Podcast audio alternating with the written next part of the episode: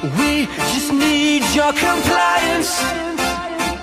Je luistert naar Compliance Adviseert.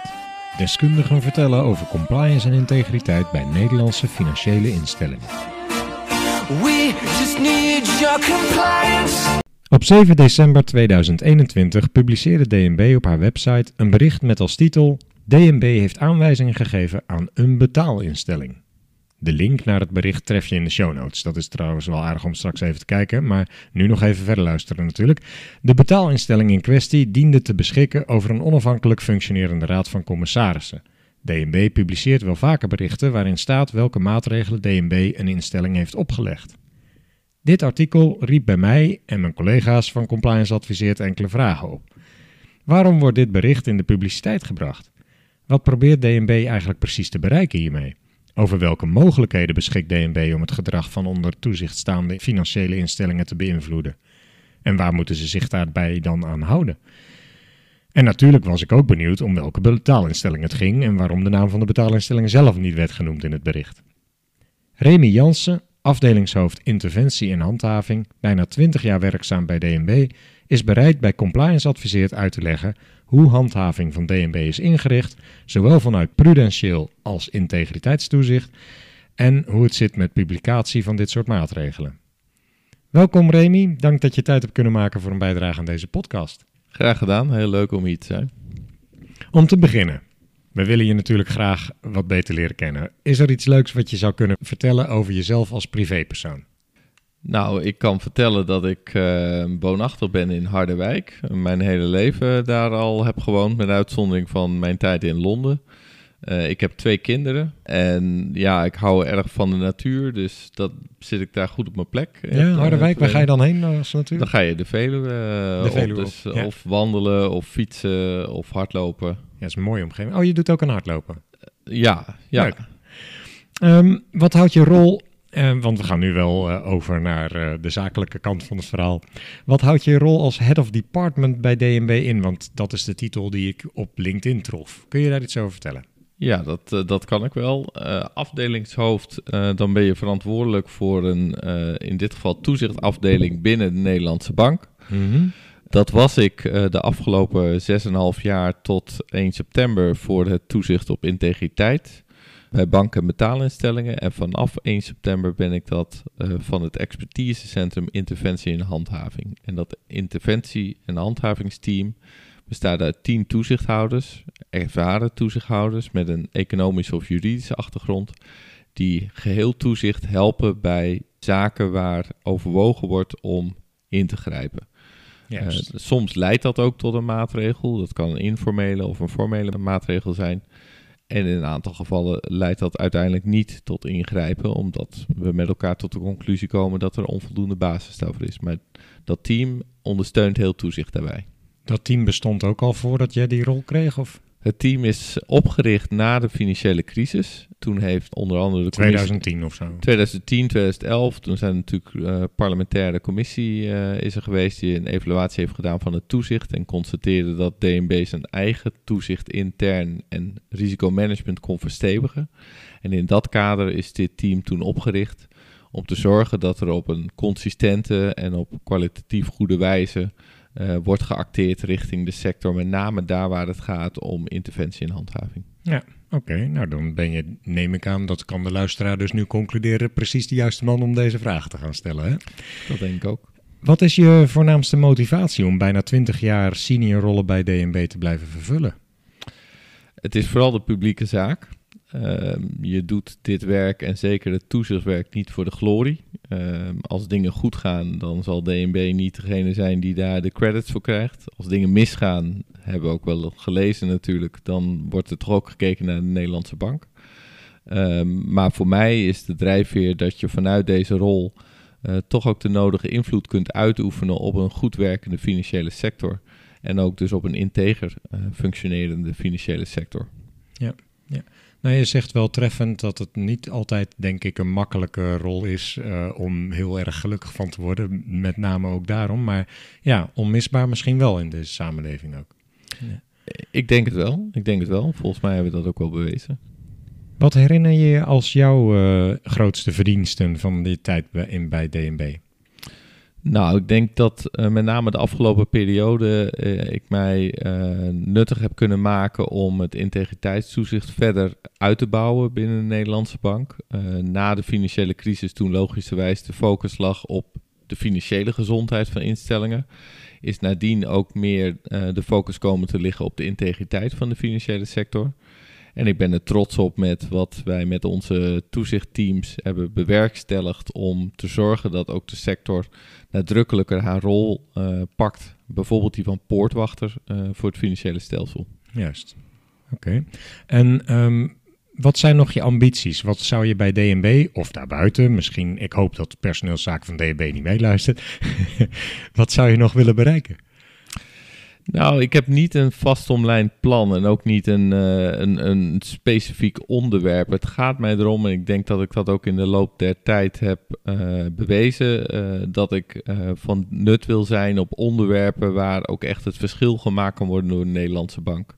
Ik ben ooit begonnen in het toezicht, in het pensioentoezicht. En toen echt nog in de kinderschoenen stond wat betreft het nadenken over financiële risico's en echt kijken naar in hoeverre zij konden voldoen aan hun verplichtingen. Uh, nadien heb ik dat gedaan door eigenlijk naar toezicht zelf te kijken om te zorgen dat dat beter werd. En de afgelopen periode om te kijken dat de integriteit van de sector op orde uh, meer wordt gebracht. En zo merk ik dat ik telkens eigenlijk verplaats van onderwerp naar onderwerp waar op dat moment ook wat te doen is, hm. uh, het verschil te maken is. Uh, en dat wil ik ook graag in de toekomst blijven doen. En dat maakt me niet zoveel uit in precies welke rol dat gaat zijn, maar meer een rol die in ieder geval ook uh, een bepaalde invloed kan uitoefenen daarop. Integriteit is natuurlijk echt een soort containerbegrip. Maar wat betekent dat nou voor gewoon de samenleving of iemand in die samenleving, de gewone burger? Ja, nou ja, integriteit begint natuurlijk bij iedereen. We moeten ons allemaal aan de wet houden. We willen allemaal uh, niet uh, met criminaliteit in aanraking komen. Uh, financiële instellingen spelen daar een prominente rol in. Met name omdat daar ook geld in omgaat. En dat dat ook een kantelpunt kan zijn voor crimineel geld om witgewassen te worden bijvoorbeeld. of voor terrorismefinancieringsdoeleinden te worden gebruikt. Um, en daarom is het van belang dat financiële instellingen daar kritisch naar kijken, uh, hun verantwoordelijkheid innemen, die zogenaamde poortwachtersfunctie uh, vervullen. En daarnaast is het ook van belang, en dat is wat meer over de integriteit van de instellingen zelf, dat ze uiteraard ook zelf wegblijven van zaken als corruptie, belangenverstrengeling, uh, manipulatie, uh, om te zorgen dat zij ook zelf integer handelen en daarmee dus ook de integriteit van het stelsel bevorderen. Oké, en daar draagt DNB dan duidelijk aan bij door die toezicht. Ja, want wij kijken vooral naar hoe instellingen voorkomen dat er uh, misbruik wordt gemaakt van ze, of dat ze zelf misbruik maken van de situatie. En voorkomen is nog altijd beter dan genezen, mm -hmm. ook, ook op dit vlak. Dus ik zie daar wel degelijk inderdaad een belangrijke rol van de Nederlandse bank in om de sector scherp te houden. Later in deze podcast gaan we nog in op verplichtingen en mogelijkheden van DNB om handhavingsmaatregelen te publiceren. Dat is dus deel 2 van deze podcast, zeg maar. Maar nu eerst.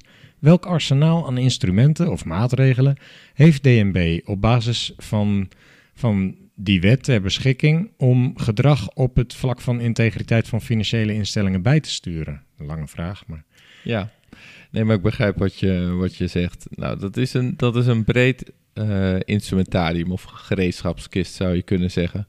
En dat begint uiteraard met het gesprek met een instelling aan te gaan of een brief te sturen waarin DNB kenbaar maakt wat wij aangetroffen hebben, wat we van de situatie vinden. Dat is allemaal nog zonder bepaalde maatregelen op te leggen, maar dat is om wel duidelijk te maken richting de instelling waar wij belang aan hechten. En waar wij belang aan hechten is uiteraard vloeit voort uit wat de wetgever belangrijk vindt. Oké, maar dat ziet DNB al wel als een officiële maatregel? Nee, dat is nog niet. Dat is zeg maar het reguliere toezicht. Ja, en dat is ook op initiatief van DNB zelf dan om een Ja. gesprek aan te gaan. Ja, oké. Ja, meestal komt dat voort uit onderzoeken die wij doen bij instellingen. Eh, onderzoeken doen wij natuurlijk om vast te stellen hoe de feitelijke situatie is.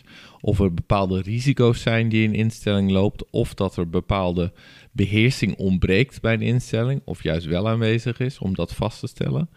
Op basis van zo'n onderzoek, stel dat wij vaststellen eh, dat op bepaalde punten niet wordt voldaan aan de wet. Dat er sprake is van overtredingen van de wet. In dit geval eh, de wet ter voorkoming van witwas en financiering van terrorisme. Dan zullen wij moeten afwegen wat wij daarmee doen. Nou, de, de meest lichte vorm, wat ik dus even regulier toezicht noem, is het gesprek aangaan, Ja. een brief sturen. Mhm. Mochten wij van mening zijn dat het toch ernstiger dan dat is, eh, bijvoorbeeld dat er ernstige overtredingen zijn, ja. Die misschien al wel langere tijd duren, of misschien al wel eens eerder vastgesteld zijn, dan kunnen wij opschalen. Eh, in eerste instantie kun je ook opschalen naar informele maatregelen. Dat zijn normoverdragend gesprek en een waarschuwingsbrief. De ene is de mondelinge variant, de andere schriftelijke variant, waarin wij kenbaar maken welke norm is overtreden, de instelling daarvoor waarschuwen en onze verwachtingen kenbaar maken wat er gedaan wordt om de problemen op te lossen. Mhm. Mochten wij van mening zijn dat het dermate ernstig is dat zo'n maatregel niet afdoende is, ehm, bijvoorbeeld omdat er bij herhaling sprake is van overtredingen, eh, omdat de instelling eh, onwillig is of omdat de instelling eh, niet erkent of herkent dat zij een overtreding zijn, daar waar ze dat wel hadden moeten, ehm, kunnen wij ook opschalen naar formele maatregelen. Nou, Mhm. daarbij kijken we naar zowel de herstelkant, dus wordt de problematiek hersteld, wordt aan de wet weer voldaan en wordt gekeken naar bestraffing. Voor herstel kunnen wij een aanwijzing opleggen of een last onder dwangsom. En een verschil daartussen is dat bij een last onder dwangsom, eh, naast dat wij kenbaar maken en eisen wat er aan herstel moet worden gepleegd, dat er ook een verbeuring is van een dwangsom op het moment dat, op het moment dat ze dat zouden moeten doen, niet wordt voldaan aan eh, de eisen die wij gesteld hebben. Dus die eisen maken ook concreet op die datum verwachten we dat, het, dat er dit en dat bereikt is. Klopt. En als dat dan niet het geval is, dan moet een dwangsom verbeurd worden. Ja, dan treedt in feite En die- Toch een, een, een financiële prikkel voor het herstel. Ja. Het is geen bestraffing, maar het heeft wel een financiële prikkel. Aan de andere kant, aan de bestraffende kant, eh, daar hebben wij eh, een boeteinstrumentarium, eh, waarbij op basis ook van de wet kan worden bepaald per overtreding wat voor soort boetecategorie dat is. Nu is het wel zo dat bij veel overtredingen van de WWFT ehm, worden aangemerkt als een economisch delict. Dat betekent dat dat soort overtredingen zowel in het bestuursrecht door de Nederlandse Bank als in het strafrecht door het Openbaar Ministerie kunnen worden afgedaan qua bestraffing. Dat betekent dat wij in dat soort situaties, als wij overwegen een boete op te leggen, dat wij in overleg treden met het OM en met de FIOD om met elkaar te bepalen, en ultiem is dat OM eh, die dat eh, besluit, hoe de afdoening zal plaatsvinden. Of dat bestuursrecht zal zijn of strafrecht. Ja. In sommige gevallen is dat strafrecht. We kennen de bekende casus van ING en ABN AMRO. Mhm. En ook in veel gevallen is het zo dat besloten wordt om dat via het bestuursrecht te doen. Op hoofdlijnen heb je dus eerst de maatregelen die je eigenlijk nog niet eens echt de informele maatregelen noemt, maar gewoon het op ehm, contact zoeken met eh, de instelling. Waarom heet het ene arsenaal informeel en het andere formeel? Wat is daar precies de reden van? Is dat omdat dat ergens wettelijk vast ligt of omdat dat gepubliceerd moet worden? Of eh, zijn daar andere verschillen in te herkennen ook? Ja, dat is omdat dat wettelijk vast ligt. Aan de formele maatregelen zit ook de mogelijkheid voor de instelling om daartegen in bezwaar te gaan en in beroep te gaan. Dat is bij de informele maatregelen niet. Nu is het wel zo dat zowel de informele als formele maatregelen leiden tot een antecedent voor eh, de betrokken bestuurders. Beide, de informele ook. Ja, Ja. en dat klinkt heel zwaar, maar dat is feitelijk een, een wapenfeit wat betrokken wordt bij een volgende toetsing die plaatsvindt. Dat hoeft helemaal niet te betekenen dat iemand uh, niet goed gekeurd wordt, zeg maar, in de Mhm. toetsing. Mhm. Maar het is wel een feit wat betrokken wordt en waar iemand over bevraagd kan worden ja, ja. eh, en wat meegewogen wordt in, in de oordeelsvorming. Nou weegt dat uiteraard bij formele maatregelen zwaarder, dan bij informele maatregelen. Logisch. Eh, maar het belangrijkste verschil is die bezwaar- en beroepsmogelijkheid die er is Mhm. bij de formele maatregelen. En natuurlijk het gewicht wat er gegeven wordt aan een formele maatregel. En, en daar kom je op de publicatie. Want formele maatregelen, eh, zeker onder de nieuwe wetgeving, vroeger onder de WWFT eh, mocht dat niet gepubliceerd worden. Na eh, 25 juli 2018, eh, toen de WWFT gewijzigd is, eh, is dat veranderd en geldt voor overtredingen na die datum die plaatsvinden, want er zit een overgangsregime aan vast, dat publicatie van maatregelen in beginsel wel moet door de Nederlandse bank. En dat heeft natuurlijk ook wel weer een extra gewicht eh, ten opzichte van informele maatregelen die niet gepubliceerd worden. Mhm. Nou heb je die, we gaan later nog Ja. over de publicatie verder in, maar je hebt die maatregelen nu op volgorde gezet van zwaarte, zeg maar, toch? Ja. ja. Als je nou naar die verschillende maatregelen kijkt, welk specifiek doel heeft DNB dan voor ogen op het moment dat het besluit om een bepaald maatregel in te zetten?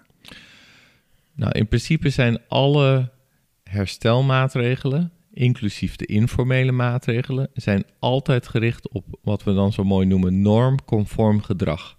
Zorgen dat de instelling gaat voldoen aan de geldende wet en regelgeving. Dat is het doel. Ja. De uitzondering daarop is een boete. Ook daar beoog je uiteraard wel mee dat er normconform ge- ge- gedrag wordt bevorderd. Maar gaat het in beginsel erom dat je eh, bestraft voor de overtreding die begaan is. Maar voor al die maatregelen geldt dat je op zoek bent naar normconform gedrag. Ja. En om dat af te wegen, welke type maatregelen we dan inzetten, eh, bekijken we bijvoorbeeld de ernst van de overtreding of overtredingen. Eh, vaak is het ook wel meer dan één overtreding. Kijk naar de verwijtbaarheid. Had de instelling kunnen weten of moeten weten eh, wat de wet inhield en hebben zij nagelaten daaraan te voldoen? En hoe overduidelijk is dat geweest? Eh, de compliance gerichtheid, zoals dat zo mooi heet. Dus in hoeverre heeft de instelling zelf al gesignaleerd... wij voldoen niet aan de wet? Hebben zij misschien vroegtijdig, bijvoorbeeld tijdens ons onderzoek... eh, al eh, een start gemaakt met het herstel? Of nog beter, hebben zij zelf gesignaleerd dat ze niet aan de wet voldeden... en waren ze al bezig met herstel? Eh, of niet, hè, dat kan de andere kant natuurlijk zijn. Je kijkt naar proportionaliteit, dus hoe proportioneel is een bepaalde maatregel? Is het gepast om dat nu te doen? Je kijkt naar wat er in soortgelijke situaties bij andere instellingen is opgelegd aan maatregelen. En je kijkt naar de historie met een instelling. Is dit de eerste keer dat wij iets constateren bij de instelling? Of is dit toch al de zoveelste keer dat er problemen zijn? En dat hoeft misschien niet op hetzelfde terrein te zijn, maar dat kan natuurlijk ook op andere terreinen al problemen zijn, die misschien iets zeggen over de algehele beheersing van zo'n instelling. Dat soort afwegingen maken wij om te bepalen wat het meest effectief gaat zijn in, in een bepaalde situatie. Dat is een hele lijst aan criteria waar, Ja. die je dan. En daarvoor zul je ook veel informatie moeten verzamelen. Om vast te stellen, eh, ja, eh, hoe komt DNB aan die informatie? Nou ja, het begint bij eh, bijvoorbeeld het onderzoek wat gedaan wordt door de toezichthouders. Eh, we hebben on-site en off-site eh, toezichthouders die onderzoeken verrichten bij instellingen en die dus bewijs, feiten verzamelen. Die worden in eerste instantie teruggekoppeld middels een brief vastgelegd. Daar wordt ook de instelling op uitgenodigd om eventueel te reageren op feitelijke onjuistheden. Waarmee in principe nadien vastgesteld is wat de situatie is zoals we die aangetroffen hebben. Dat is in principe al de belangrijkste basis voor te overwegen welke interventie gepleegd wordt. Daarnaast hebben wij natuurlijk historische informatie over de instelling, want we houden al eh, jarenlang vaak toezicht op zo'n instelling. We hebben nog onze bronnen, zoals bijvoorbeeld het VEC of andere ketenpartners, of soms ook buitenlandse toezichthouders, als het gaat om een instelling die ook in het buitenland actief is. Dat soort informatie kunnen we erbij betrekken.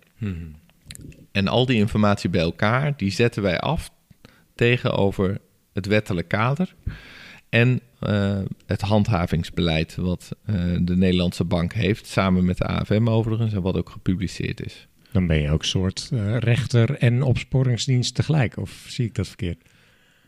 Nou, dat in, bestuursrecht heeft zeker mogelijkheden om zelf dus in te grijpen zoals ik al zei, daar staat ook tegenover dat er ook rechten zijn voor de instelling in kwestie. Die kan ook bezwaar maken daartegen. En het begint overigens al bijvoorbeeld bij een formele maatregel dat de instelling een zienswijze daarop kan geven. Mhm. Dan wordt die maatregel definitief. Dan kan de instelling bezwaar maken daartegen. Dat is nog steeds bij de Nederlandse bank. Dat wordt dan behandeld uh, onafhankelijk van toezicht door collega's van juridische zaken. Mm mocht dat voor de instelling tot een onbevredigende uitkomst leiden, uh, dan kan de instelling altijd ook een stap richting de rechter zetten.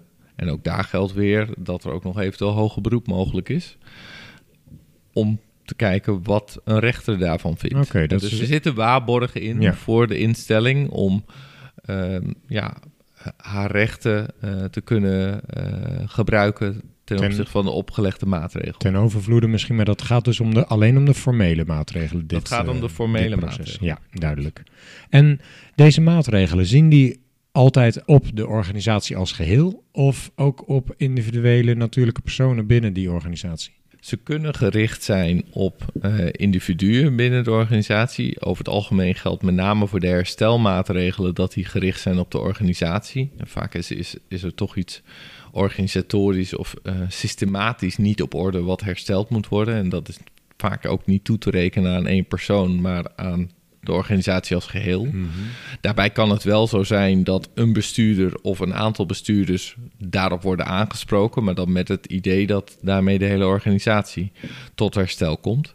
Bij een boete uh, zal het vaak ook gaan om de organisatie, omdat uh, op basis van de feiten het ook uh, beter vast te stellen is dat de organisatie in overtreding is geweest. Maar kunnen er ook situaties zijn waarbij DNB besluit om daarnaast of in plaats daarvan een boete op te leggen aan een individu. Als daarvoor uiteraard uh, voldoende ook bewijs is dat het echt toe te rekenen is aan een individu dat de overtreding is begaan. Is het dan logisch dat DNB dat doet of dat ook hier het OM ingeschakeld wordt? Dat ligt eraan uiteraard wat voor soort overtreding het is. En als het een overtreding is die ook in het bestuursrecht uh, kan worden afgedaan qua bestraffing, dan zou dat ook door de Nederlandse bank kunnen gebeuren. Ja. Daar waar ook mogelijk sprake is van strafrechtelijke overtredingen, uiteraard is het dan aan het OM om dat op te pakken. En zal dat ook iets zijn wat de Nederlandse bank bijvoorbeeld kan aandragen bij het Openbaar Ministerie om verder op te pakken. In welke wetgeving worden deze, dit, het arsenaal aan maatregelen van DNB dan geregeld eigenlijk? Nou, dat is uh, in elke wet waar wij toezicht op houden. Dus de WFT, uh, eh, de wet financieel toezicht bijvoorbeeld, die regelt zelf ook het. Hè, daar staat ook het instrumentarium in, in beschreven wat wij, uh, waarmee wij toegerust zijn. Mm dat geldt net zozeer voor de WWFT, daar staat dat ook in beschreven. Juist, oké. Dus er is niet een losse wet ook nog over welke bevoegdheden de Nederlandse bank heeft. Dat... Jawel, daarnaast geldt natuurlijk de algemene wet bestuursrecht, die op ons ook van toepassing is en waar we ons aan te houden hebben. Ja. In welk soort gevallen treedt DNB handhavend op met een formele maatregel? Bij, bij welk soort gedrag moet ik dan ongeveer aan denken? Dat is lastig om in algemene zin te zeggen, omdat elke casus toch weer anders is. Ehm, nu is het wel zo dat als er bijvoorbeeld, eh, even op het vlak van de WWFT gezien, als wij in een onderzoek vaststellen dat er echt uh, fundamenteel iets mis is met het beleid wat gevoerd wordt door de instelling, de risicoanalyse die uitgevoerd wordt door de instelling, en wij ook constateren in verschillende klantdossiers die wij dan ook bekijken om te zien hoe de praktijk uitpakt, dat daar ook niet voldaan wordt aan de wet. Dat het bijvoorbeeld in sommige gevallen ontbreekt aan transactiemonitoring, of dat de transactiemonitoring volstrekt niet voldoet aan wat je zou mogen verwachten bij zo'n instelling, dan kan dat een situatie zijn waarvan wij zeggen: dit is dermate ernstig En ook dermate verwijtbaar, want dit zijn toch basisbeginselen van de WWFT die al heel lang in de wet staan. En waar wij ook als toezichthouder regelmatig aandacht voor gevraagd hebben. Dat wij overgaan tot formele maatregelen. Is dat voorspelbaar voor een instelling, vind jij? Kun je bijna aanvoelen komen, oké, daar is het verkeerd gegaan, dus is daar een grote mate van vrijheid? Of wordt er bijna een formule op losgelaten om te bepalen hoe hoog die boete dan bijvoorbeeld is? Of welke maatregel gekozen wordt? Ja, nou, de overweging van formele maatregelen zou ik zeker niet een formule willen noemen. Dus het is geen mathematische som. Nee. Uh, wat ik al zei, het hangt van verschillende factoren af. Ik denk wel uh, dat het zo is dat instellingen inmiddels, en dat is ook na zoveel jaren uh, vrij intensief integriteitstoezicht, met ook een aantal casus die naar buiten zijn gekomen, al dan niet door ons, door publicatie van maatregelen, dan wel door schikkingen die door het OM getroffen zijn, Mm -hmm. wel een goed beeld hebben van waar wij op letten, wat wij ernstig vinden, wat wij verwijtbaar vinden. En dat is natuurlijk ook wel weer iets wat door de tijd heen verschuift. Hè? Want waar misschien tien jaar geleden wij nog uh, zaken zagen die toen misschien al wel als geavanceerd werden gezien, constateerden we nu, ja, dat is toch echt wel bazaal wat je op orde moet hebben. En kan je niet tien jaar later nog zeggen dat je het niet hebt of dat je het slecht op orde hebt. Mm -hmm. Dus zoiets verschuift ook wel door de tijd. Mm -hmm. Hoewel ik moet zeggen dat de, de, de basiselementen van de WWFT zijn in feite al langer tijd hetzelfde. Namelijk dat je je klanten goed kent, dat je de transacties van die klanten goed kent, dat je nadenkt over de risico's die je loopt ten aanzien van klanten en je dienstverlening.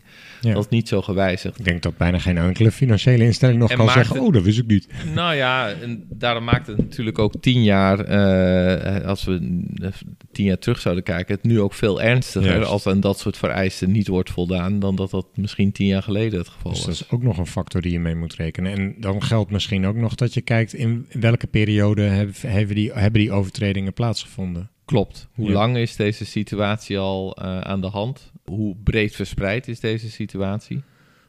Wat zijn consequenties voor de instelling, maar ook voor de samenleving als DNB gebruik ge- maakt van dat, eh, van met name die formele maatregelen dan?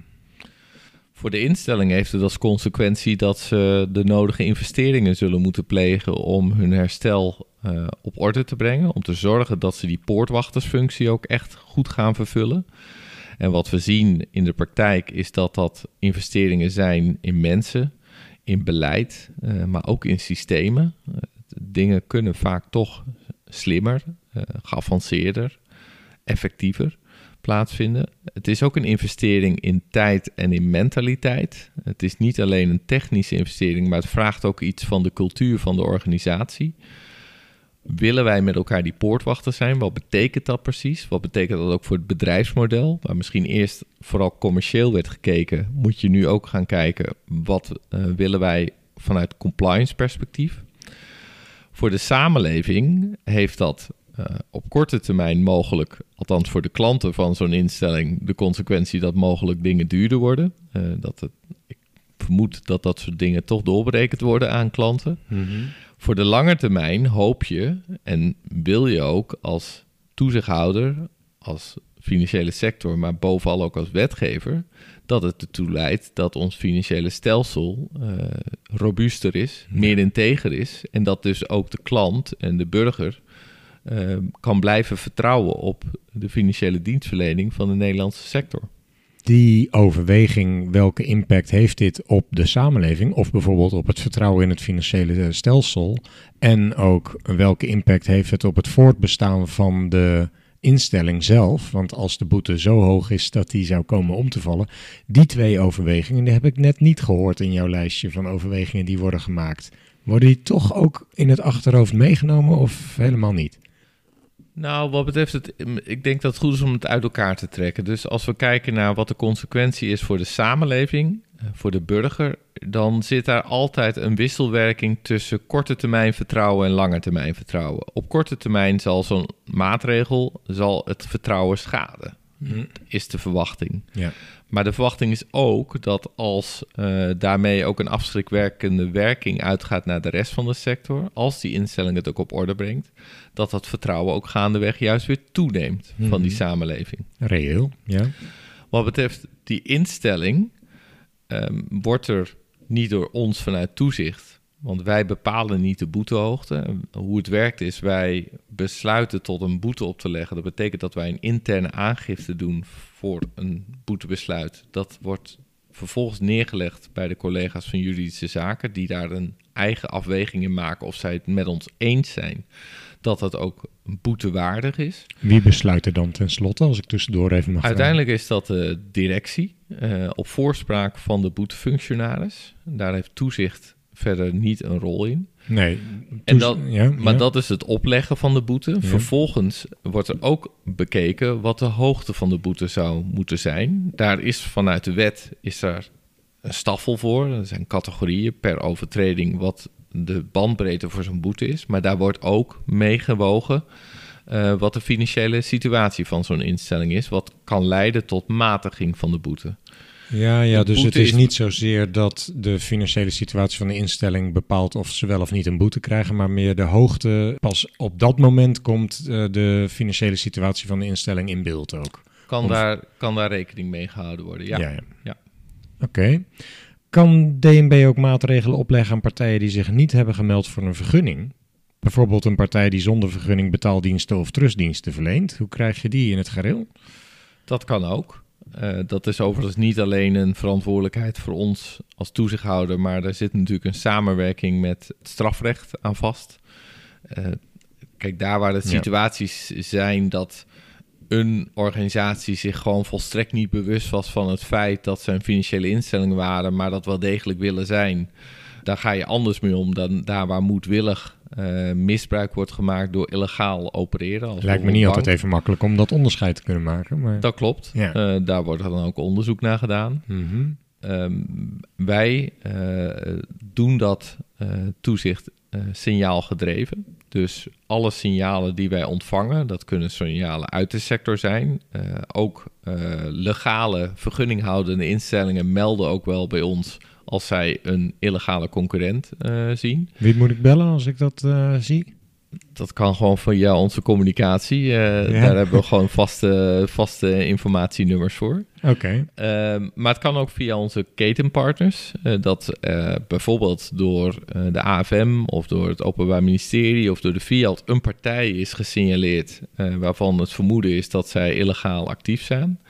Dan zullen wij zo'n signaal wegen. Als wij eh, constateren dat het echt ernstig is en dat het ook wel een valide signaal is, dan kan er verder onderzoek naar gedaan worden. En op basis van dat onderzoek bepaal je dan ook weer, net als bij die legale partijen, wat voor ehm, eh, actie daarop nodig is. En dat kan eventueel ook eh, maatregelen zijn, bijvoorbeeld een last onder dwangsom die opgelegd wordt, waarbij je aangeeft dat een Die partij binnen zoveel tijd moet stoppen en Ja. anders dat er een dwangsom eh, verbeurd moet worden. Ja. Ik denk dat we al een redelijk overzicht hebben van de mogelijke maatregelen en hoe zo'n beslissing tot stand komt. Wat ik er nog wel over zou willen weten, dat proces intern bij DNB. Als ik het kort mag samenvatten, de toezichthouders bereiden eigenlijk een eh, maatregel of een boetebesluit voor. En dan gaat de juridische afdeling er naar kijken en het besluit ligt bij eh, de directie van DNB. Is dat de hele route of wordt er ook wel eens van afgeweken?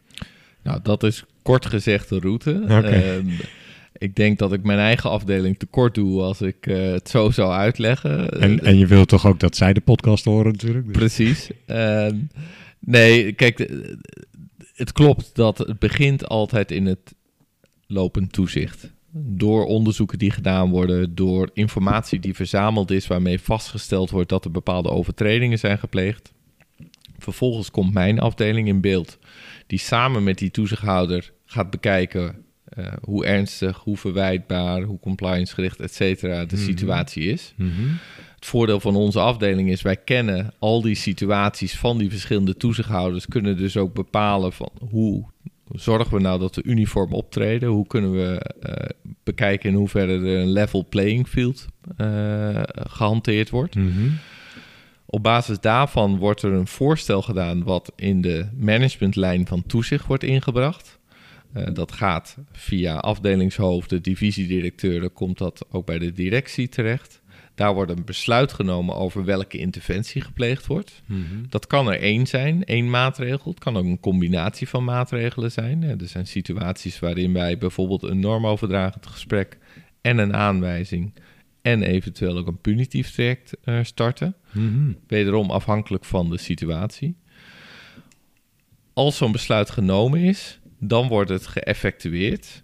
Als het gaat om een aanwijzing, dan is dat iets wat mijn afdeling uh, voorbereidt en ook uitvoert. En ook de zienswijze op verricht. Pas in de situatie van bezwaar komt dat bij juridische zaken terecht. Ja, ja. Als het gaat om een last onder dwangsom of een boete, dan is er inderdaad sprake van een interne aangifte vanuit toezicht, gedaan door de toezichthouder, ook weer in combinatie met mijn afdeling, wat neergelegd wordt bij juridische zaken en die dan zelfstandig dat opnieuw gaan beoordelen, alle feiten, alle omstandigheden, al het bewijs, om dan zelfstandig te komen tot een voornemen tot een boete of een voornemen tot een last onder dwangsom, wat na zienswijze, als de zienswijze niet een ander beeld oplevert, leidt tot een op te leggen boete of een op te leggen last onder dwangsom. Mhm. Volgens mij is dat proces daarmee redelijk helder in beeld gebracht. Um, maar dat gaat dus voornamelijk voor alle zekerheid voor die formele maatregelen. Die informele maatregelen, leggen die dezelfde route af ook? Of? De informele maatregelen leggen binnen toezicht dezelfde route af. Ja, dus ook daarvoor geldt, voor alle handelingen binnen toezicht hebben wij een uh, bevoegdhedenmatrix om te bepalen op welk niveau de beslissingen moeten worden genomen. Die zijn over het algemeen op het niveau van divisiedirecteur of directie. En dat geldt ook voor informele maatregelen. Dus ook een brief met een waarschuwing is, hè, als, die wordt op deze manier vastgesteld. Ja. Ja. Oké. Je vertelde net, het komt ook wel eens voor dat je iets aan het OM overdraagt. In welke gevallen gebeurt dat precies? Er kunnen twee aanleidingen voor zijn. Eén aanleiding is, en dan uh, noem ik even de ING-casus, waarbij het in die situatie zo was dat het Openbaar Ministerie al zelf op basis van strafinformatie had vastgesteld dat er verschillende klanten actief waren bij ING waarvan sprake van witwassen was. Ja, dus En- de- ze waren al in beeld van OM. Ze waren al in beeld als faciliterende partij voor mensen die aan het witwassen waren. Hm. En het OM heeft die zaak aangedragen in wat we dan noemen het tripartite overleg. Of inmiddels heet dat de weegploeg, waarin de Nederlandse Bank, Openbaar Ministerie en Fiat samen besluiten over dat soort zaken. En in die situatie is gekozen voor het strafrecht om eh, onderzoek te doen en te komen tot afdoening, wat uiteindelijk tot de schikking heeft geleid. Daar was dus het Openbaar Ministerie leidend. Neem niet weg dat wij ook in die situatie informatie inbrengen wat wij uit het toezicht weten over de instelling. OM-informatie was hier leidend. Andere situatie kan zijn, en die komt eerlijk gezegd 9 van de 10 keer voor, dat wij doen onderzoek. Wij stellen overtredingen vast van de WWFT, die een economisch delict ook behelzen. Wij brengen de zaak vervolgens in het tripartite overleg of de weegploeg. En daar wordt besloten op basis met name van de toezichtinformatie, eventueel verrijkt met informatie uit het strafrecht, op eh, informatie Als van de beeld als er iets is, Mhm. eh, informatie van de FIOD of Mhm. informatie van het Openbaar Ministerie, om dan te besluiten, moet dit in het bestuursrecht of strafrecht worden afgedaan. Daarvan is een voorbeeld waar ik over kan spreken, omdat daar ook eh, over gepubliceerd is, de ABN AMRO-casus. Want dat was een casus waar de Nederlandse bank het initiatief nam om te komen tot een gesprek met het Openbaar Ministerie en de FIOD. En waar uiteindelijk is gekozen voor een strafrechtelijke traject. Maar daar was de toezichtinformatie dus leidend. Ja, ja, dus het is niet per se zo dat omdat het OM iets al in beeld heeft, dat het OM ermee verder gaat. Het kan ook andersom. DNB heeft de aanwijzing en draagt het aan OM over. Nou, het is wat ik zeg, in 9 van de 10 gevallen is Gebeurt het zo dat wij de informatie aandragen. Ja. Dat wil overigens dan niet zeggen dat het ook een strafrechtelijk traject wordt. Ook daarvoor geldt dat in de meeste gevallen het bestuursrecht wordt gezien als het geschikte middel voor bestraffing. En Ja. het strafrecht is uiteraard een ultimum remedium. Eh, maar dat er gezegd wordt, nee, dit kan via het bestuursrecht ook afgedaan worden. En, en wat is daarbij dan precies de overweging? Daar is de overweging enigszins vergelijkbaar zoals wij die zelf al maken om te komen tot een besluit om een boete op te leggen, namelijk hoe ernstig is de situatie. Ja. Daar wordt natuurlijk ook gekeken vanuit strafrechtelijk perspectief. He- heeft de OM of FIOD of politie relevante informatie waaruit zou blijken dat de situatie nog ernstiger is? Dat er Mhm. bijvoorbeeld niet alleen sprake is van een falende beheersing, maar dat er ook daadwerkelijk concrete Bewust voorbeelden van witwassen of van terrorismefinanciering plaatsvinden bij zo'n instelling. Ehm, de verwijtbaarheid. Eh, ook, ook daar wordt in de weegploeg gekeken naar hoe lang eh, bestaat deze situatie al? Wat is de impact van deze instelling op het financiële systeem? Hoe hebben wij gehandeld in andere casus? Maar mag ik dan stellen dat op het moment dat het naar het OM gaat, het eigenlijk dus nog een zwaardere maatregel is? Of is het, kan het ook naast elkaar gezien worden dat een bestuursboete net zo zwaar ervaren wordt? Nu is het wel zo dat met die gewijzigde WWFT de boetehoogte fors omhoog is gegaan in het bestuursrecht. Tot Ja. 20% van de omzet in het extreemste geval. Dat er natuurlijk ook een publicatieplicht voor de toezichthouder is eh, bij boeteoplegging. Mhm. Eh, en sterker nog, bij boeteoplegging van de hoogste categorie moet die publicatie ook direct na definitief worden opge- al gepubliceerd worden. Maar daar staat tegenover dat de lading van het strafrecht is natuurlijk wel een bijzondere. En is zeker voor de betrokken bestuurders, heeft nog misschien wel uiteindelijk dan nog meer lading dan het bestuursrecht. Alleen lading of heeft dat ook iets te maken met een, bijvoorbeeld een eh, notitie in je strafblad of weet ik veel?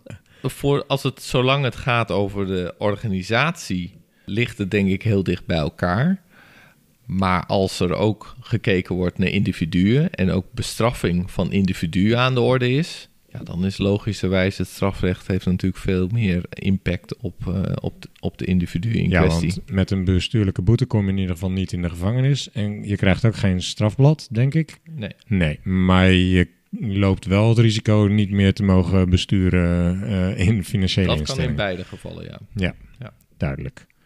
Zijn er maatregelen waarover DNB beschikte en die recent toch zijn overgedragen aan EU-toezichthouders? En zo ja, om welke type maatregelen gaat het dan? Dat geldt in ieder geval niet voor het integriteitstoezicht of het WWFT-toezicht. Dat ligt geheel bij de Nederlandse bank. Nu is het wel zo dat er voorstellen zijn gedaan door de Europese Commissie om te komen tot een Europese AML CFT-toezichthouder. Nou, die is er nu nog niet. Ja, die EMLE, eh, de Ja. EML Authority, Ja. ja? Nou, goed, als die op termijn er zou komen, dan zal die ook eigen bevoegdheden waarschijnlijk gaan krijgen om op te treden. Mhm. Dat is nog de vraag hoe dat zich precies zal ontwikkelen en Ja. hoe dat zich verhoudt ten opzichte van het instrumentarium van de Nederlandse bank en wie gaat precies over wat. Maar ja, dat, daar bestaat dus eh, de kans dat er wel bepaalde bevoegdheden bij de Europese toezichthouder worden neergelegd. Op prudentieel vlak is dat al gebeurd voor een aantal instellingen met de komst van de Europese Centrale Bank, die ook de toezichthouder op de significante bank in Europa is geworden. Mhm. En wat vind je zelf van het effect van de genomen maatregelen? Als je gewoon zo. Wordt er wel eens geëvalueerd? De afgelopen twee, drie jaar hebben we. Kun je dan. Ik zie je ja knikken. Kun je dan iets vertellen over de aantallen maatregelen die genomen zijn en hoe effectief dat dan is? Om te beginnen met hoeveel maatregelen er worden genomen, dat verschilt eigenlijk van jaar tot jaar. Als je ook kijkt naar het jaarverslag bijvoorbeeld, waar wij in publiceren hoeveel maatregelen worden opgelegd, dan verschilt dat. Dat hangt samen enerzijds met hoeveel onderzoeken zijn er in een jaar geweest en hoeveel overtredingen zijn er vastgesteld. Maar het hangt ook samen met soms de doorlooptijd van eh, trajecten. Iets kan net over het jaar heen plaatsvinden. Het kan wat langer duren eh, om te komen tot een boetetraject, omdat er allerlei Ja. besluitvorming en, en onderzoekswerk aan vastzit. Dus er zou een wat grillig verloop in Er kunnen zit een zitten. wat, daar zit ook zeker een wat grillig verloop in. Als het gaat over de effectiviteit, eh, nou, we zijn nu net, worden we als Nederland geëvalueerd door de FATF. Mhm. Ehm, En nou, daar moeten we de uitkomst uiteraard van afwachten. Uh, maar dat heeft ons natuurlijk ook wel gelegenheid gegeven om te kijken uh, naar onze effectiviteit. En wat wij wel zien is dat uh, met name ook de opschaling met de nieuwe WWFT van de boetehoogte en de publicatieplicht in combinatie met zaken als die van ING en ABN AMRO, waarbij er natuurlijk ook een publieke bestraffing feitelijk heeft plaatsgevonden door de publicatie van de schikkingen, dat dat wel degelijk een, ik zou zeggen, een reinigend effect op de sector heeft gehad. In zoverre dat instellingen zich veel bewuster zijn van hun verantwoordelijkheden. Dat we ook zien dat instellingen daar ook actief mee bezig zijn om die situatie bij hun te verbeteren, om die poortwachtersfunctie te versterken. Sterker nog, bij een aantal banken zien we ook dat ze met elkaar proberen dat nog verder te versterken. Bijvoorbeeld TMNO. transactiemonitoring Nederland. Mhm. uh, door gezamenlijk naar beleid te kijken. Uh, door ook samen te werken met uh, publieke partners in allerlei verbanden. Ja. ja, daar meten wij wel aan af dat het dus effect heeft dat de toezichthouder aan de voorkant, aan die preventieve kant, optreedt. Actief is in de sector en ook uh, laat zien dat niet conform gedrag ook niet getolereerd wordt. Ook deze factor noemde je eigenlijk niet, maar ik zou me kunnen voorstellen dat je bij het bepalen of een partij een maatregel krijgt opgelegd, dat meegewogen wordt in hoeverre dat ook als voorbeeld zou kunnen dienen in de sector. Nou, dat kan tot op zekere hoogte in zoverre dat de wetgever heeft niet voor niks die publicatieplicht opgenomen, omdat ook de wetgever ziet dat er afschrikwekkendheid uitgaat van publicatie.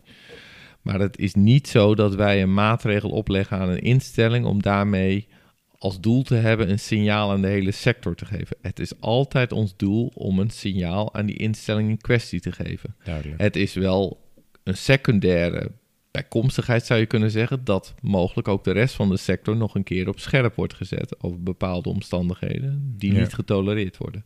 Mhm. Je begon al even over die publicatie ook. Eh, daar gaan we dan nu op verder, wat mij betreft. Ben je het mee eens dat we de maatregelen zelf voldoende besproken hebben zo? Of is daar nog iets aan toe Dat te denk ik wel, dat denk ik wel. Dankjewel. Hoeveel maatregelen zijn er in de afgelopen drie jaar dan opgelegd? Je zei, eh, dat is terug te lezen in de jaarverslagen, maar waar moet ik precies aan denken? Als je kijkt naar overtreding van de WWFT en dan neem ik gemakshalve ook even de wet op toezicht trustkantoren mee, wat toch een relatief vergelijkbare wet is, dan hebben wij in de afgelopen jaren elk jaar tussen de circa 20 en 45 maatregelen opgelegd. En dat verschilt dus van jaar tot jaar, wat ik al zei, omdat er een tijdsverloop in zit, eh, omdat het ene jaar meer onderzoeken oplevert dan het andere jaar. En, eh, Maar zo'n ING-case reken je dan dus niet mee omdat dat een OM-case was? Die rekenen we inderdaad niet mee, omdat dat eh, niet een eh, maatregel eh, is die wij opgelegd hebben, maar een maatregel die het OM heeft opgelegd. Oké, de afgelopen drie jaar dus tussen de 20 en de 45 per jaar, hè? Per jaar Juist. Ehm, op integriteitsterrein. en hoeveel daarvan zijn dan in de publiciteit gebracht? Wat merkt de gemiddelde Nederlander van dit soort maatregelen? Dat zijn twee verschillende vragen overigens, denk Snap ik. ik. Bedenk ik nu. Ja. Dat, dat snap ik. Dat kun je niet één op één combineren. Want dat hangt ermee samen dat de meeste maatregelen pas gepubliceerd kunnen worden op het moment dat ze onherroepelijk zijn. Dat betekent als het hele juridische traject doorlopen is. Nu zijn er verschillende zaken waarin een instelling bezwaar maakt tegen de maatregel of ook in beroep gaat. Dan is het afwachten wanneer de rechter eh, kijkt naar zo'n zaak. Dus daar zit echt een time lag in. In combinatie met dat de WWFT, wat ik al noemde, eh, pas per half 2018 gewijzigd is. En dat die met het overgangsregime rekening houdend, dat je pas over kunt gaan tot publicatie van maatregelen. Daar waar het gaat om overtredingen die na die datum hebben plaatsgevonden Ja, ja. en niet al voortduren vanuit de situatie onder de oude WWFT. Ja, ja. Dus je zult, denk ik, komende periode meer gaan zien. meer gepubliceerde maatregelen gaan zien. Maar dat is de afgelopen jaren nog vrij beperkt geweest, omdat dat overgangsregime eh, van toepassing is. Duidelijk. Duidelijk. Je vertelde dat de wetgever dus zelf in de wet heeft ingebakken met een specifiek doel van die afschrikwekkende eh, werking om maatregelen te publiceren. Heeft DNB daar zelf ook nog een kijk op? Hoe, hoe staat de, eh, eh, zijn jullie blij dat je dat mag publiceren? Ja, en met de wetgever overigens wordt ook benoemd ook de Europese wetgever. Ja, ja de AML-wetgeving komt eigenlijk hoofdzakelijk uit Europa. Ja. Klopt, en die is dan verwerkt in de Nederlandse wetgeving. Mhm. Onze kijk erop is, en die hebben we ook eh, destijds gecommuniceerd aan de minister naar aanleiding van de ING-schikking, is dat wij dat verwelkomen. Wij zien dat een publicatie van een maatregel een effectief middel kan zijn om de maatschappij te informeren, om eh, educatie te bieden aan de sector, om wat ik al zei, afschrikwekkend te kunnen zijn, ook naar eh, andere instellingen die mogelijk twijfelen of zij ook voldoen aan de wet. Dus dat dat een effectief middel kan zijn. Ja. Wordt er dan in zo'n feitenrelaas wel eens meer geïnterpreteerd in hoe, je, hoe de wet ingevuld wordt? Eh, eh, want je zegt, instellingen kunnen al zien, voldoen wij eigenlijk er zelf wel aan. Dat kun je ook op twee manieren opvatten. Je zou kunnen zeggen, eh, goh, ik word er op, met mijn neus op de feiten gedrukt. Waarschijnlijk voldoe ik ook niet aan de wet. Maar komt het ook wel eens voor dat in zo'n feitenrelaas iets aanvullends wordt genoteerd wat een instelling ook moet opvolgen? Of, dat, of komt dat niet voor? Nou, feitenrelaas wat jij noemt, eh, dat zijn de publicaties van het OM geweest, naar aanleiding van ING en ABN AMRO. Juist. Wat wij publiceren is altijd het besluit van de maatregel. Dus wat Ja. wij publiceren is bijvoorbeeld de aanwijzing. Zoals wij die ook uitgereikt hebben aan de instelling of verstuurd hebben aan de instelling. Of de Gewoon letterlijk de... de tekst die zij zelf in de brief hebben gehad. Klopt. Ja, ja. En dat is het, een behoorlijk uitgebreid eh, document. Want Mhm. daarin eh, ligt niet alleen vast het besluit en ook de gedragslijn die we verwachten van de instelling. Maar daar liggen ook alle overwegingen in vast om te komen tot die maatregel. Welke afwegingen wij hebben gemaakt. Waarom wij vinden dat het in deze situatie gerechtvaardigd is. Dat staat allemaal in zo'n besluit. Dat wordt allemaal gepubliceerd. En daarbij publiceren we dan ook een persbericht. Dat is relatief kort om ja. te benoemen dat deze maatregel is opgelegd. En er wordt op Twitter wordt er ook nog een link naar het besluit en persbericht ja, getweet naar eh, de volgers van DNB. Mhm. Om kenbaar te maken dat dit besluit eh, gepubliceerd is. Juist. Nou, oké, je kan er op die manier dus goed kennis van nemen als je daar eh, informatie over wilt. En indien een maatregel moet worden gepubliceerd op basis van de WWFT bijvoorbeeld, waar moet zo'n publicatie dan precies aan voldoen? Wat mag wel en wat mag niet in zo'n publicatie? Nou, daar heeft de wetgever wel het een en ander over gezegd in de wet, maar ook op, in de toelichting op de wet. En dat wordt binnen DNB bekeken door juridische zaken die gaan over de publicatie. En daar is naar voren gekomen dat wij in principe het besluit, zoals dat ook genomen is en zoals dat ook kenbaar is gemaakt aan de instelling, dat dat hetgeen is wat wij communiceren naar buiten toe. Er wordt niet gefilterd, eh, gewoon letterlijk wat er besloten wordt. In de wet zijn wel een aantal voorbehouden opgenomen. Mhm. Dat is namelijk dat eventueel publicatie uitgesteld kan worden onder omstandigheden. Dat het zaken geanonimiseerd kunnen worden. Mhm. Of dat in een ultiem geval afgezien kan worden van publicatie. Ook daarvoor geldt afhankelijk van eh, de situatie. Want het is namelijk een apart besluit, de publicatie. Daar mag de instelling ook weer haar zienswijze op geven. Mag ook tegen in bezwaar gaan en in beroep gaan daartegen. Daar kunnen argumenten ingebracht worden die ertoe leiden dat bijvoorbeeld anonimisering plaatsvindt. Voor DNB zelf geldt dat er zijn twee elementen die van belang zijn bij de publicatie van het besluit. Eén is dat de toezichtvertrouwelijkheid, zoals wij die opgelegd hebben gekregen, blijft onverkort van toepassing. Dus we zullen moeten kijken bij de publicaties van zo'n besluit dat er niet toezichtvertrouwelijke informatie gedeeld wordt met de buitenwereld wat niet zou mogen. Wat moet ik daaronder verstaan dan? Wat voor soort informatie is dat? Nou, als er bijvoorbeeld eh, over, niet alleen over de instelling in kwestie wordt gerept, maar bijvoorbeeld ook over andere instellingen of eh, aanverwante partijen die ook onder die geheimhouding vallen. Dat kan niet. Ja. Het andere is de privacy. privacywetgeving, die ook door ons gerespecteerd moet worden. Dus wij moeten kunnen rechtvaardigen waarom wij persoonsgegevens publiceren, Ja, omdat dat eh, nodig is voor de oplegging van eh, de, be- de maatregel en zoals dat is vastgelegd in het besluit. Met de juiste rechtvaardiging kan het natuurlijk wel, ook onder de huidige privacywetgeving. Maar Ja. je moet er wel goed voor vastleggen waarom je vindt dat dat kan. Ja, en wordt er dus ook kritisch per, per persoonsgegeven naar gekeken wat wel en niet gepubliceerd kan worden. En daarom zie je ook als je naar onze website zou gaan en je opent eh, eh, besluiten, dat er ook besluiten zullen zijn waar soms dingen zijn eh, weggelakt of, of zwart gemarkeerd. Omdat dat dus of vanuit de toezichtvertrouwelijkheid of vanuit de privacy al door onszelf al bepaald is dat dat, dat gewoon niet gedeeld kan worden Ja. met het publiek. En dat zijn dus ook de juristen die daarover gaan. Stel in dat voortraject voordat gepubliceerd wordt, maakt een instelling bezwaar. Wie behandelt dat bezwaar?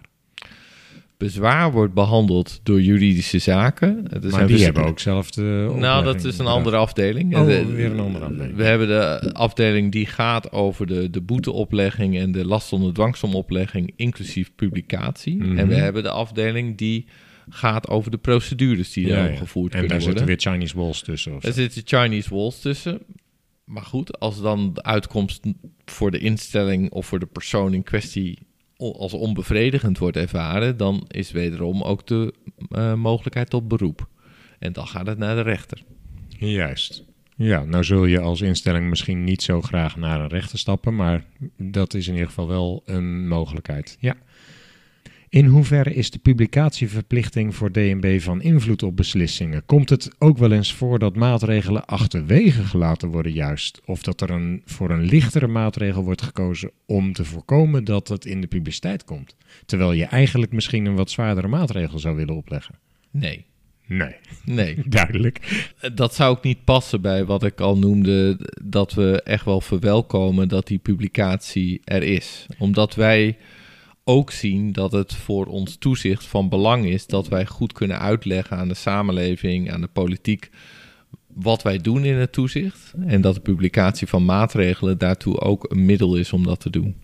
als er een maatregel wordt opgelegd die op last van de WWFT zeg maar opgelegd wordt, heb jij zicht op dat er misschien toch nog verschillen zijn in EU-lidstaten? Is dat, eh, heb je het idee dat dat op gelijke mate wordt gedaan? Wordt er tussen DNB en andere eh, lokale toezichthouders ook afgestemd van hoe zwaar rekenen jullie dit aan? Nee, er wordt niet, in, eh, niet afgestemd. Er wordt uiteraard wel gekeken, ook zowel in toezicht als door juridische zaken, hoe wordt er in het buitenland omgegaan met maatregelen. Ja. Wij hebben voor onze eh, instellingen die internationaal actief zijn inmiddels colleges opgericht, zoals dat heet. Waarbij we samen met toezichthouders van die andere landen waar zo'n instelling actief is, eens in de zoveel tijd het gesprek met elkaar voeren. Daar delen wij ook wat we aan toezichtactiviteiten uitoefenen en of wij maatregelen opleggen of gaan opleggen. En daar delen we dus ook wat de overwegingen zijn geweest om bijvoorbeeld te komen tot een maatregel. En dat doen onze collega's ook met ons. Maar het is uiteindelijk afhankelijk van hoe de Europese wetgeving is vertaald in nationale wetgeving. Ja. En ik noemde al even in ons geval dat we die overgangsbepalingen hebben opgenomen. Dat kan in een ander land anders zijn eh, Mhm. gegaan. En het kan ook zijn dat er andere eh, voorwaarden of juist ruimere mogelijkheden zijn opgenomen in de nationale wet om te publiceren. En als we dan kijken naar de toekomst, afrondende vragen het volgen nu, dan kan ik me voorstellen dat met een eh, AML regulation in plaats van een directive er wat meer gelijkheid over die verschillende landen zal gaan ontstaan dan. Dat is in ieder geval het idee. Zijn er andere ontwikkelingen die je verwacht voor de toekomst op dit vlak? Verwacht je bijvoorbeeld een toename of juist een afname van het eh, aantal maatregelen of de zwaarte daarvan? Of... Nou, ik hoop het eerlijk gezegd niet. Want ik hoop dat de sector, als ik kijk naar de Nederlandse sector, eh, haar les eh, heeft geleerd en aan het leren is. Waardoor je minder maatregelen hoeft op te leggen. Maar dat zal toch eh, moeten blijken. Mhm. En aan de andere kant is het ook weer zo, wat ik al eerder in de podcast noemde, dat situaties die zich nu voordoen of die zich over een paar jaar voordoen, waarvan we al een aantal jaar geleden zeiden dat ze niet acceptabel waren, ja, die zijn nu feitelijk nog minder acceptabel. Omdat er zoveel ook over gecommuniceerd is over het onderwerp. Dat je ook mag verwachten dat instellingen daar goed kennis van hebben genomen en ook haar maatregelen al hebben getroffen. Ja, ja. Om aan die wetgeving te voldoen. Ja. Nou staan er nogal wat uh, poortwachters, uh, niet alleen banken, maar andere type instellingen ook onder toezicht van DNB. Staan er natuurlijk ook een aantal onder toezicht van BFT bijvoorbeeld of andere toezichthouders. Hoe waarschijnlijk acht je dat het voor banken op zich nu redelijk op orde is, maar dat er ook vooral maatregelen opgelegd zullen worden in andere sectoren. Dat durf ik niet te zeggen. Ik, nee. Dat gaat ook moeten speculatie blijken. Dit. Speculatie, dat zal ook moeten blijken uit de FATF-evaluatie natuurlijk, die ja. naar alle WWFT-toezichthouders onder andere heeft gekeken, ook naar de rest van de keten uiteraard. Mm -hmm. Durf ik niet te zeggen. Nee. Andere wijzigingen die jij voorziet op korte termijn waar uh, luisteraars hun voordeel mee kunnen doen misschien? Nou, we zien natuurlijk dat crypto's een steeds prominentere rol vervullen. Uh, en daar wordt natuurlijk ook internationaal wel over gesproken van moet er niet meer van die cryptomarkt nog onder toezicht worden gesteld. Mm -hmm. Dus dat is een ontwikkeling, denk ik, die relevant is. Ik denk een andere ontwikkeling is toch ook wel um, hoe om te gaan met uh, privacy versus uh, AML. En ook wel met de-risking, wat daarbij een rol speelt. Um, ook daarvoor geldt dat dat toch ook iets is voor de sector, maar ook voor de wetgever om naar te kijken. En ik denk een derde is uh, ook de toenemende digitalisering en uh, gebruik van data. Wat aan de ene kant ertoe moet leiden dat instellingen effectiever worden als poortwachter. Maar wat ook wel uh, op een goede manier moet gebeuren om te zorgen dat je ook echt effectiever wordt. En zijn instellingen daartoe in staat? En hoe gaan wij als toezicht daarnaar kijken? Um, en uh, hoe verder creëren we werkelijk een situatie dat instellingen beter in staat zijn om te voorkomen dat ze betrokken raken bij witwas of terrorismefinanciering, of dat ook echt vroegtijdig weten te detecteren. Ja. Nou, dat lijkt me inderdaad uh, bijna nieuwe podcastwaardige thema's die je, die je nu noemt. Laten we het er voor deze podcast bij laten. Heel erg vriendelijk bedankt voor zover. Tot slot natuurlijk, want dat doen we bij elke podcast. Aanhakend op de titel van deze podcast, heb je nog een advies voor onze compliance professionals? Ja, zeker. Um, ik denk dat we vanuit toezicht uh, zeer uh, het compliance vak en de compliance officers uh, steunen in hun rol.